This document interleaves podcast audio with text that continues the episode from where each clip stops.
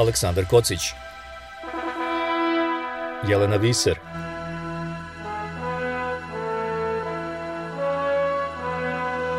Radio Karantin Hronika istorije u nastajanju Srbija razmatra obaveznu vakcinaciju za zdravstvene radnike. To je bila vest koju je agencija Reuters objavila u aprilu, prenoseći izjavu srpskog ministra zdravlja Zlatibora Lončara. Od toga, kao što znamo, do sada nije bilo ništa. Srbija je od svetskog lidera u nabavci vakcina stigla do svetskog lidera po broju zaraženih i umrlih od covid pre svega zato što ne može da ubedi polovinu svojih građana da se vakcinišu. Ili, da budem precizniji, ni ne trudi se mnogo da ih ubedi. Istovremeno vlast uporno odbija obaveznu vakcinaciju za kompletno stanovništvo ili bar neke njegove delove, kao što su malo pre pomenuti zdravstveni radnici ili državni službenici. Jedini izuzetak su vojska i policija. Nema čak ni obavezne ili, ajde, preporučene vakcinacije za armiju članova vladajuće stranke. Mi imamo ustav u kojem su nam svi građani ravnopravni. Kako ću da kažem građaninu šta god mislio, a znate kakav sam pobornik vakcinacije, Kako ću da kažem građaninu, vi smete da uđete u shopping mall zato što ste vakcinisani, a vi ne smete da uđete u shopping mall zato što niste?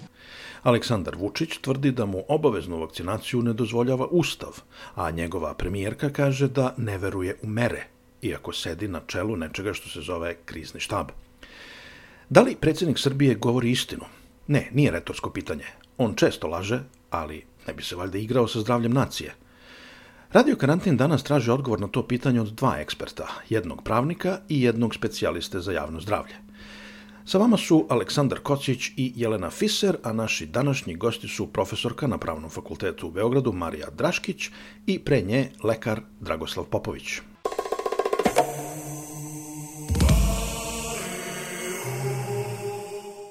Vidimo da se svuda u svetu, uz par e, nekih minimalnih izuzetaka, vlasti ustručavaju od uvođenja obavezne vakcinacije. E, obavezna vakcinacija uglavnom postoji kada su deca u pitanju. U čemu je razlika? Zašto se vlasti ustručavaju? Pa ja mislim to su, to su neke političke procene koje e, se, se baziraju na nekim motivima koji nisu ni epidemiološki ni zdravstveni mislim da e, u, u svim zemljama svijeta mi imamo situaciju u kojima e, postojeći legalni okviri dozvoljavaju da se uvede nešto što je obavezna vakcinacija u slučaju pandemije koja je ogromna opasnost za zdravlje svih stanovnika svijeta i protiv kojih je vakcinacija jedna od mjera koja je vjerovatno najefikasnija i koja nam e, daje najbolju šansu da se izvučemo iz pandemije. E sad vidimo da čak i, i, i e, autoritarna društva, e, ne znam, Rusija, Kina, pa ako mogu u tu grupu da stavim i Srbiju, izbegavaju obaveznu vakcinaciju. Da li je to zato što se prati model koji dominira u svetu ili su neki drugi razlozi? Ja mislim da to samo ovaj potvrđuje ono što sam rekao ranije, da su to politički razlozi i da je to jedna procena e, vlasti šta im u ovom trenutku e, najviše odgovara. Moram da kažem isto da u nekim zemljama je postojalo ograničenje da ne možete da uvedete e, obaveznu vakcinaciju sa ovim vakcinama koje nisu potpuno registrovane, ali vidimo da se recimo u Sjedinjenim američkim državama e, u petak registrovala Pfizerova vakcina, a Bidenova administracija u ponedeljak donijela odmah odluku da se svi oni koji su zaposleni u državnim službama moraju vakcinisati. Ja mislim da bi bilo e, vrlo važno i da e, kažemo par riječi o tome šta je u stvari ta obavezna vakcinacija. Pogotovo za one slušalce koji su ovaj, iz Srbije, jer obavezna vakcinacija nije nikakav ekstrem. Ako govorimo o tim nekim e, ekstremima, e, tu postoji e, nešto što se zove prisilna vakcinacija i ja moram da kažem da je to nešto što se recimo događalo za vreme one famozne epidemije variola vere, kada su svi građani Srbije i tadašnje Jugoslavije u vrlo kratkom vremenu vakcinisani Znači, vakcinacija je išla tako što ekipa dođe u, u, u fabriku ili dođe u školu i jednostavno postrojite se svi, svi dobijete vakcinu u, u, u roku od pola sata i tu se priča završava. Čak se dešavalo da se recimo zaustavi autobus negde na putu, izađu svi putnici vani, vakcinišu se i to je to. Šta ste rekli da postoji razlika između prisilne i obavezne vakcinacije? Šta je jedno, šta je drugo? Kad se radi o obaveznoj vakcinaciji, Znači, e, ona jeste preporučena i, i obavezna je za sve one grupe koje potpadaju po taj obavezni režim. To nikako ne znači da se, da se prisiljavaju oni koji imaju recimo neke kontraindikacije ili zdravstvene rizike da prime tu vakcinu, niti u slučaju recimo ove dječje vakcinacije koju imamo u Srbiji se radi o tome da vas, e, da, e, da, da, da, da vas prisiljavaju odmah da uradite nešto. Znači, vi imate opciju da odbijete tu vakcinu, ali postoji onda mehanizam kako se treba raditi sa vama da bi vi E, jednostavno promijenili tu svoju neku odluku prije nego što dođe do te neke ekstremne situacije koja e, e, je u suštini ovaj prekršajni postupak za, za roditelje. Sa, sa pravne strane tu je vrlo jasno da se radi o tome da je to primarno onaj primarni interes deteta i da se u, u slučaju te obavezne vakcinacije djece štiti njihovo zdravlje i jednostavno koristi jedna e, decenijama oprobana metoda protiv bolesti koje ugrožavaju dječje živote. E, mi te bolesti više ne vidimo, e, to su bolesti kao što je dječja paraliza, difterija, tetanus, pa čak i male boginje, ali se te bolesti mogu vratiti vrlo brzo kada bi se vakcinacija prekinula. E, sa COVID-om, e, pretpostavljamo, možemo se složimo, imamo ozbiljnu pretnju po javno zdravlje. Kada ta pretnja postaje dovoljno velika da opravda obaveznu vakcinaciju? Mislim da je ta pretnja bila jasna od onog dana kada je e, COVID-19, to je SARS-CoV-2, proglašen virusom od pandemijskog značaja na globalnom nivou. Mi vidimo da imamo E, stotine i, i stotine hiljada mrtvih širom svijeta. Mi vidimo e, koje su posljedice po zdravlje onih koji su zaraženi virusom. Mi vidimo koje su posljedice po ekonomije e, i po živote građana širom svijeta i to je jednostavno nešto što se ne može i ne smije ignorisati. Mi jesmo čekali na vakcinu i to je ono što je što, najbolje što se desilo u ovoj celoj pandemiji, a to je da smo dobili vakcinu s kojom možemo da se izborimo sa problemom ovog virusa. Ja moram da naglasim da smo imali um, jako velike epidemije, katastrofalne u, u, u istoriji ranije, kada nismo imali vakcine, kada nismo imali ovako oružje u borbi protiv virusa i mislim da je apsolutno propuštena šansa da se to ne iskoristi na najbolji mogući način.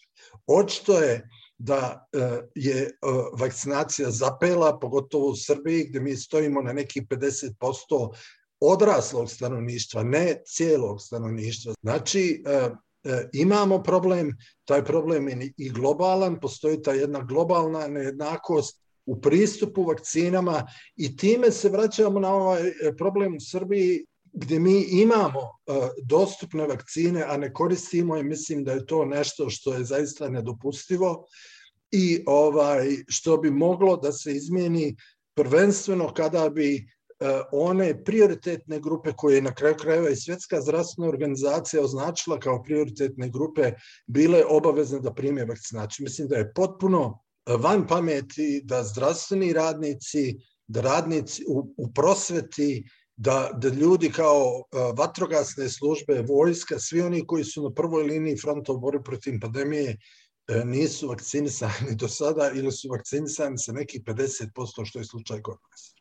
E sad, Srbija je bila u početku uh, lider uh, praktično u svetu po broju vakcina koje je nabavila i kako je omogućila građanima vakcinaciju i evo, kao što kažete, došlo se tu negde do 50% i zapelo je. Zašto vlast okleva? Onog momenta kad smo vakcinisani, vakcinisali one koji su imali više znanja, koji su se plašili, koji su shvatili kakav je rizik od pandemije koji su shvatili kakva je korist od vakcinacije. Kad smo njih vakcinisali, tu smo stali, jer mi jednostavno nismo imali jaku kampanju promocije vakcinacije i jaku kampanju e, mobilizacije društva da se vakciniše. I ne samo da nismo imali tu kampanju u nekom aktivnom i afirmativnom smislu, nego smo jednostavno dozvoljavali da nam se uh, uh, ljudi E, vrlo sumnjivih namjera e, javljaju e, i preko društvenih mreža i preko ovih nacionalnih frekvencija i da šire nedoumice, da šire ovaj lažne informacije o, o vakcini, što je naravno dovelo do toga da je poverenje u vakcinaciju palo, da je poverenje u, u, u državu palo i da ovaj ljudi jednostavno otklevaju sa uh, donošenjem odluke da se vakcinišu. Ja sam pre nekoliko dana razgovarao sa jednim politikologom iz Danske, oni su radili veliko istraživanje u osam evropskih zemalja koje je pokazalo da je Danska jedan od lidera u, u, Evropi, ako ne i u svetu. Oni su dostigli 80% vakcinisanih, tako da nije bilo potrebe za a, a, uvođenjem obavezne vakcinacije i zaključili u svom istraživanju da je glavni razlog uspeš, a, uspeha vakcinacije u poverenju građana u pre svega zdravstvene institucije u zemlji, pa mi je onda dodatno pojasnio da je to poverenje pre svega zasnovano na a, transparentnosti u onome što se zove public messaging, odnosno kako je a, pandemija i kako su poruke o važnosti vakcinacije komunicirane u javnosti. Vi ste sad rekli da mislite da je u Srbiji bilo puno problema u tom pogledu i ja se slažem s vama, ali ako to sad već sve znamo, i stručnjaci najavljuju veoma tešku jesen i zimu, zašto se sad okleva? Dvije stvari, ovaj, ovaj e, danski model e, i ovo što se događa u Srbiji e, govori u prilog ono jednoj poznatoj činjenici o kojima smo, o kojoj, koj, koja se često vrtila, pogotovo se vrti sada za vreme pandemije, E, vakcine ne sprečavaju bolest, vakcinacija sprečava bolest. Znači, mi smo u Srbiji imali vakcine, mi danas imamo vakcine, ali, ali vakcinaciju nemamo.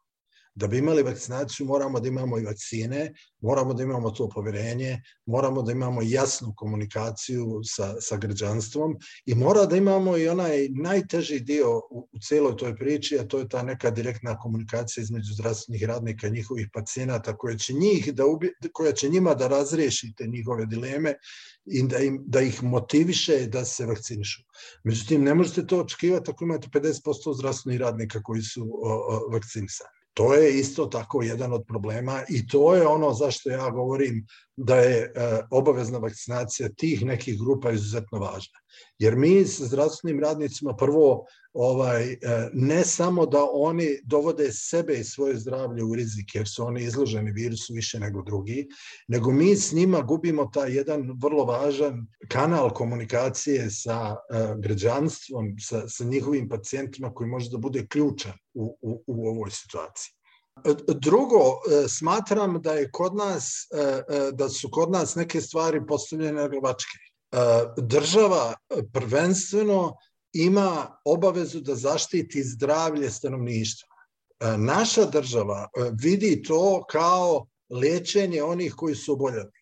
Nama ne treba, naravno da nam je neophodno liječenje onih koji su oboljeli, ali nama prvenstveno treba da što manje ljudi uopšte oboli, da što manje ljudi uopšte dođe u situaciju da im je potrebno liječenje.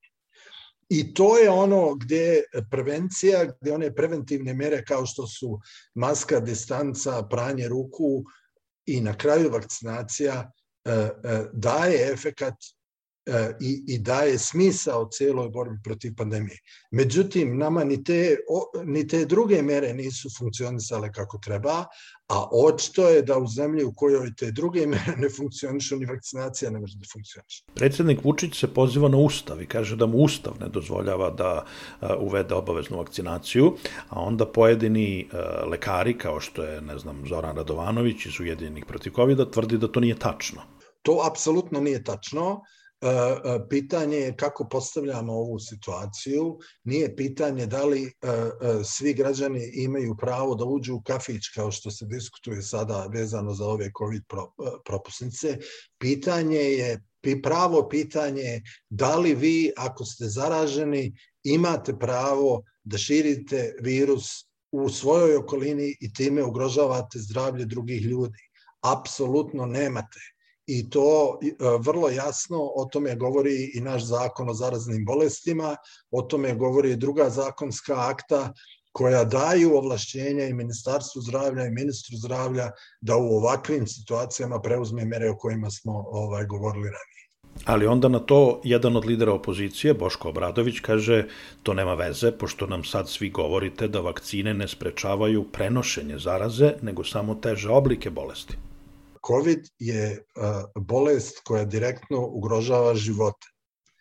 Ono što sve vakcine do sada potvrđeno čine, to je da sprečavaju teže oblike bolesti, da sprečavaju oboljevanje, da sprečavaju smrtne ishode. To je ono što je e, najvažnije i što je stvar broj jedan. Vakcina u kombinaciji s drugim mjerama o kojima sam govorio ranije, znači maske distanca, pranje ruku, i, i, i, i slično, e, apsolutno sprečavaju transmisiju virusa, to je nešto što e, se pokazalo i, i u drugim zemljama koje imaju koje su i po stopi vakcinacije i po stopi drugih preventivnih mjera mnogo bolje od nas. U Srbiji će uskoro izbori. Da li mislite da to ima neke veze sa oklevanjem vlasti da bude energičnija u pogledu vakcinacije? Mi, mislim da uh, u Srbiji postoje mnogi uh, politički faktori i političke partije koje igraju na kartu uh, ove vakcinacije ili antivakcinacije. I to je ono što nije dobro. Mi vrlo jasno imamo situaciju koju, evo, spomenuli ste Boška Obradovića, tu je recimo dosta je bilo, Znači, tu se ova situacija koristi za neku svoju promociju. To nije prvi slučaj i to nije nešto što je specifično samo za Srbiju. E, ova e, pandemija je nešto što se tiče svih 8 milijardi ljudi na planeti. I oni koji mešetare u politici e, vrlo jasno vide svoju šansu da kroz mešetarenje sa, sa vakcinacijom i sa vakcinama dođu do što većeg broja ljudi i dođu do nekog svog biračkog tijela. Mislim da je to univerzalna jedna teza koja se ne odnosi samo na Srbiju, a koja kaže da se države plaše obavezne vakcinacije zato što bi to dalo vetar u leđa antivakserima i poja, po, povećalo otpor, jer puno ljudi, puno ljudi kaže ako su vakcine tako dobre i bezbedne, zašto me onda primoravate da se vakcinišem? Da li to znači da smo u suštini izgubili E, bitku, da, da li to znači da su antivakseri na neki način pobedili ako se sve države u svetu ustručavaju da, da, da energičnije reaguju i kažu nema više zezanja? E, još uvijek, nažalost, je mnogo veći broj zemalja koje ne mogu uvesti obaveznu vakcinaciju radi toga što nemaju vakcine. Ono što ja volim kod obavezne vakcinacije i, i, i to sam govorio i sa, sa kolegama koji su se bavili uh, mnogo više ovim, ovim pitanjem i sa pravne i sa javno-zdravstvene strane. Ja kažem, meni je obavezna vakcinacija djece važna između ostalog zato što ona obavezuje državu da vam tu vakcinu omogući u svakom momentu. U ovom momentu postoji ogroman broj zemalja na svijetu koji nemaju vakcine, koji ne mogu da ponude to svojim građanima. S druge strane, e, kad govorimo o antivakserima, jeste, mi imamo infodemiju, mi imamo i antivaksere, antivaksera je u ovoj situaciji mnogo više nego kad se radi o, o onoj normalnoj rutinskoj vakcinaciji djece iz jednostavnog razloga zato što je target, ova ciljna grupa za, za vakcinisanje e, svaki čovjek na ovoj planeti. Činjenica jeste da, da su oni sada u ofanzivi, koriste ovu situaciju, ali ne smijemo zaboraviti jednu stvar. Njih nije mnogo, oni su samo izuzetno prodorna i, i glasna grupa, ono što, vi ne možete reći da u Srbiji 50% ljudi je protiv vakcinacije, ne. E, u, u tih 50% ljudi koji do sada nisu vakcinisali je najveći broj onih koji imaju neka pitanja, koji imaju neke bojazni, koji jednostavno su zbunjeni o, ovim količinom informacija i kojima je potrebno vrlo malo da promijene odluku i da, da, da, da naprave pravu odluku, a to je e, da se vakcinišu što je prije moguće. Radio karantin. Doktor Popović kaže dakle da Ustav apsolutno dozvoljava obaveznu vakcinaciju. Ipak da vidimo što kaže pravnik. Marija Draškić je profesorka Pravnog fakulteta Univerziteta u Beogradu i u svom radu često se bavi pitanjem ljudskih prava u kontekstu javnog zdravlja. Sa njom je razgovarala Jelena Fiser. U svom radu bavili ste se pitanjem obavezne vakcinacije uopšte. U jednom svom članku na temu obavezne vakcinacije dece pišete o tome da to pitanje prava, da to nije pitanje prava na autonomiju volje u medicini, koja podrazumeva slobodu svakog čoveka da odlučuje o sobstvenom životu i telu, već je pitanje javnog zdravlja a to znači i javnog interesa o kome bi trebalo da odlučuju kompetentni profesionalci. Da li je to slučaj i sada u pandemiji COVID-19? Da, da, apsolutno isti principi koji se odnose na obaveznu vakcinaciju dece, odnose se i na obaveznu vakcinaciju celokupnog stanovništva ili pojedinih kategorija ljudi. Naš zakon o zaštiti stanovništva od zaraznih bolesti predviđa tu e, redovnu obaveznu vakcinaciju, ona se odnosi na decu i na te bolesti jeli, koje se već godinama smatraju veoma važnim za zaštitu zdravlja dece, gde je obavezna vakcinacija i ona se ne može odbiti, kako zakon kaže, ni osim kada postoje važni medicinski razlozi koji ukazuju na opasnost od kontraindikacija ali to je podložno opet samo medicinskim kriterijumima. I postoje, e, postoji u zakonu osnov za tu vanrednu obaveznu vakcinaciju koja upravo dolazi u obzir kada se pojave ovakve epidemije, odnosno pandemije i kada se postavi pitanje obavezne vakcinacije za celokupno stanovništvo. Suprotno onom što većina ljudi sada koja se poziva na ljudska prava smatra da su ljudska prava neograničena, kao što je pravo jeli, na slobodu savesti, misli, veroispovesti, pravo na poštovanje privatnog i porodičnog života, pravo na slobodu mirnog okupljanja i tako dalje. Većina tih prava može biti ograničena. I kako naš ustav, tako i međunarodni dokumenti, najvažniji ugovori o ljudskim pravima, to su sad trenutno za ovu oblast Konvencija Saveta Evrope o ljudskim pravima i biomedicini i Evropska konvencija o ljudskim pravima predviđaju osnove za ograničenje tih prava, među tim osnovama jeste svakako interes javnog zdravlja. Imamo tešku situaciju, veliki broj umrlih, veliki broj zaraženih, imamo mehanizam koji zakon o zaštiti stanovišta od zaraznih bolesti predviđa, ali se on koči, odnosno on je ukočen na nekoliko nivoa. Najpre, Zakon o zaštiti stanovništva od zaraznih bolesti predviđa mogućnost uvođenja te vanredne obavezne vakcinacije.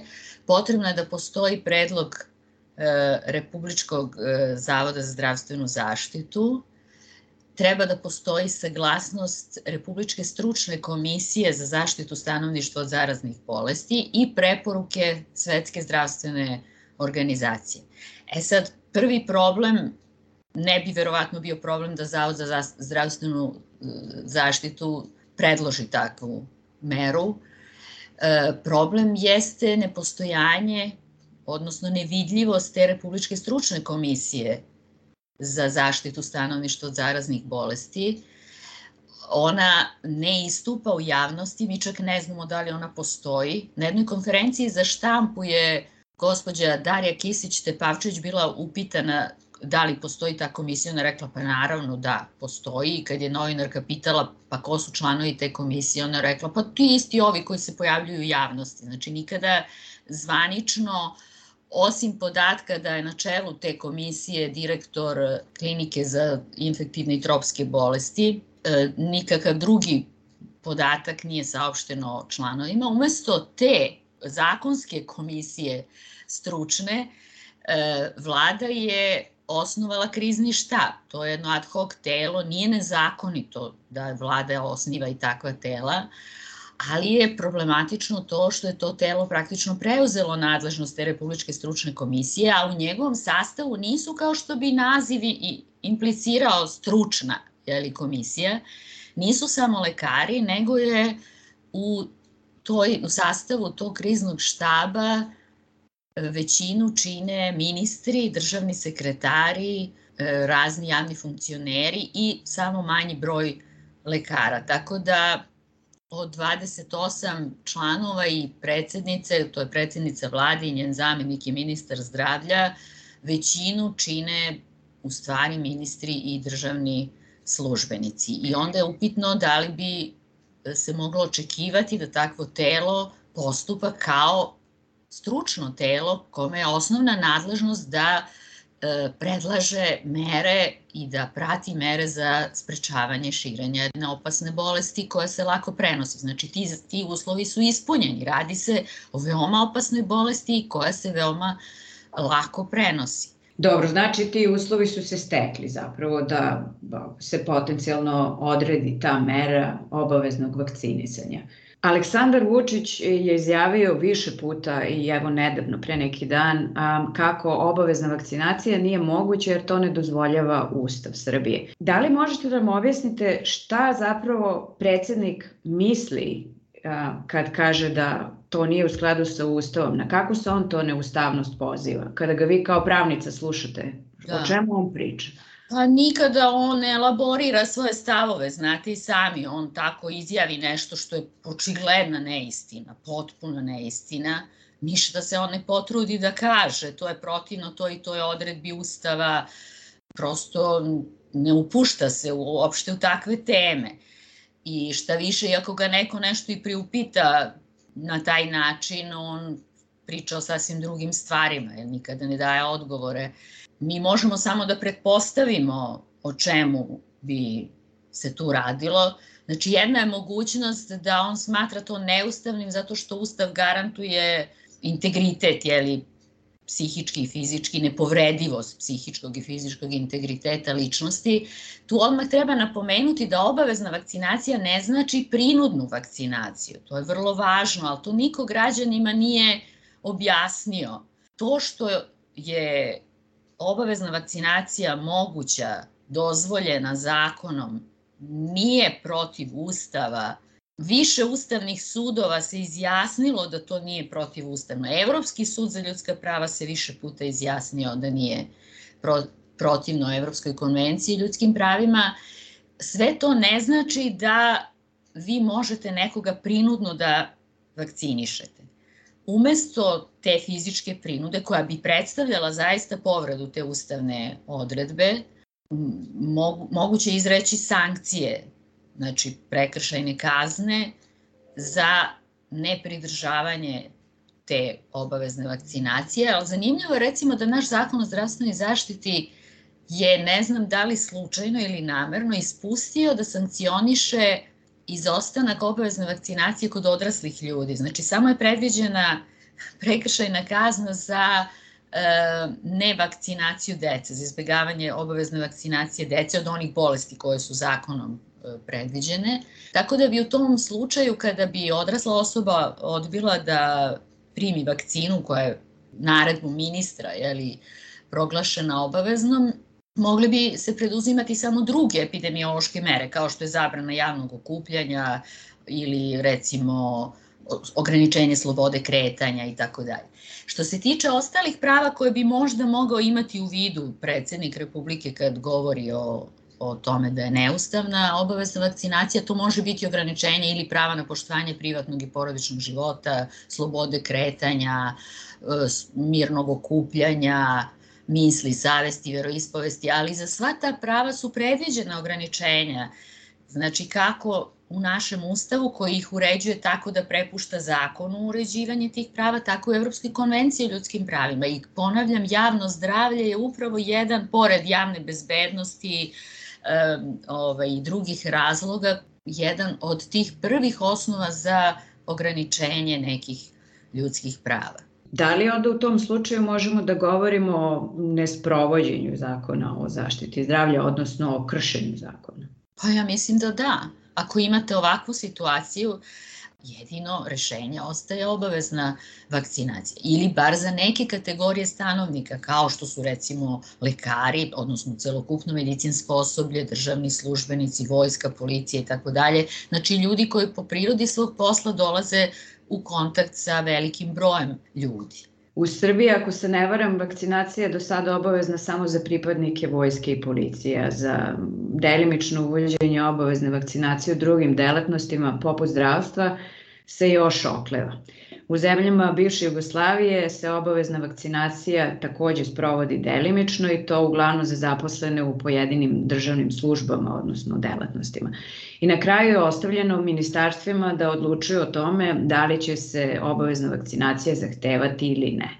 A, što mene navodi na zaključak da je na kraju ovo pitanje političke volje, a ne zakona i Kako biste vi meni kao potpunom pravnom lajku objasnili da politička volja ima prednost u odnosu na zakon? Pa porazne su posledice. Ne sme politika da ima tu dominantnu ovaj, ulogu. Svakako da jedna takva odluka kao što je propisivanje obavezne vakcinacije ima politički kontekst, ali svakako da ne sme da ima prevalentnu ulogu taj politički faktor.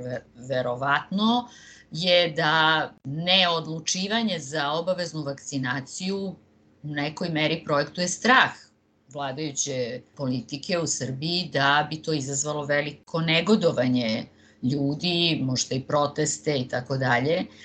Ali recimo za mene je potpuno neverovatna izjava premijerke koja kaže da ona ne veruje u epidemiološke mere.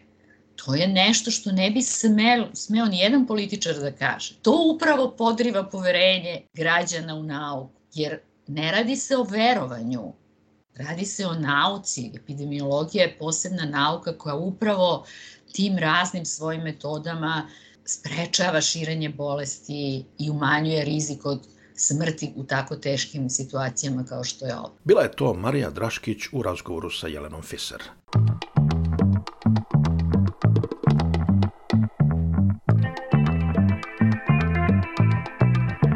Radio karantin. Slab odziv građana na vakcinaciju protiv covid inače nije samo karakteristika Srbije. Slična situacija je u svim drugim zemljama bivše Jugoslavije, osim Slovenije. Inače se, kada je Evropa u pitanju, uočava velika razlika između zapada i istoka. Sve zemlje zapadne Evrope su na oko 80%, dok su sa druge strane, na primjer, Bugarska i Rumunija tek na nekih 30%. A malo ranije u emisiji spomenuo sam i našeg sledećeg gosta, to je danski politikolog Michael Bang Petersen, čije istraživanje u više evropskih zemalja pokazuje da uspeh vakcinacije direktno zavisi od nivoa poverenja koji građani imaju u institucije sistema, pre svega one zdravstvene. Vaccine acceptance is best predicted by the trust that you have in the health authorities. And, and the reason is that as a, as a lay person, to understand vaccinations. Michael Bang Petersen je gost sledećeg radio karantina u sredu 27. oktobra. Do tada čitajte i slušajte Radio Karantin na našem sajtu radiokarantin.eu i pomozite nas donacijama preko Paypala i Patreona. Detalji su na sajtu. Iako još niste, zavrnite taj rukav. Nemoj da vam je teško. Učinite dobru stvar i za sebe i za druge. Čujemo se. Aleksandar Kocić Jelena Viser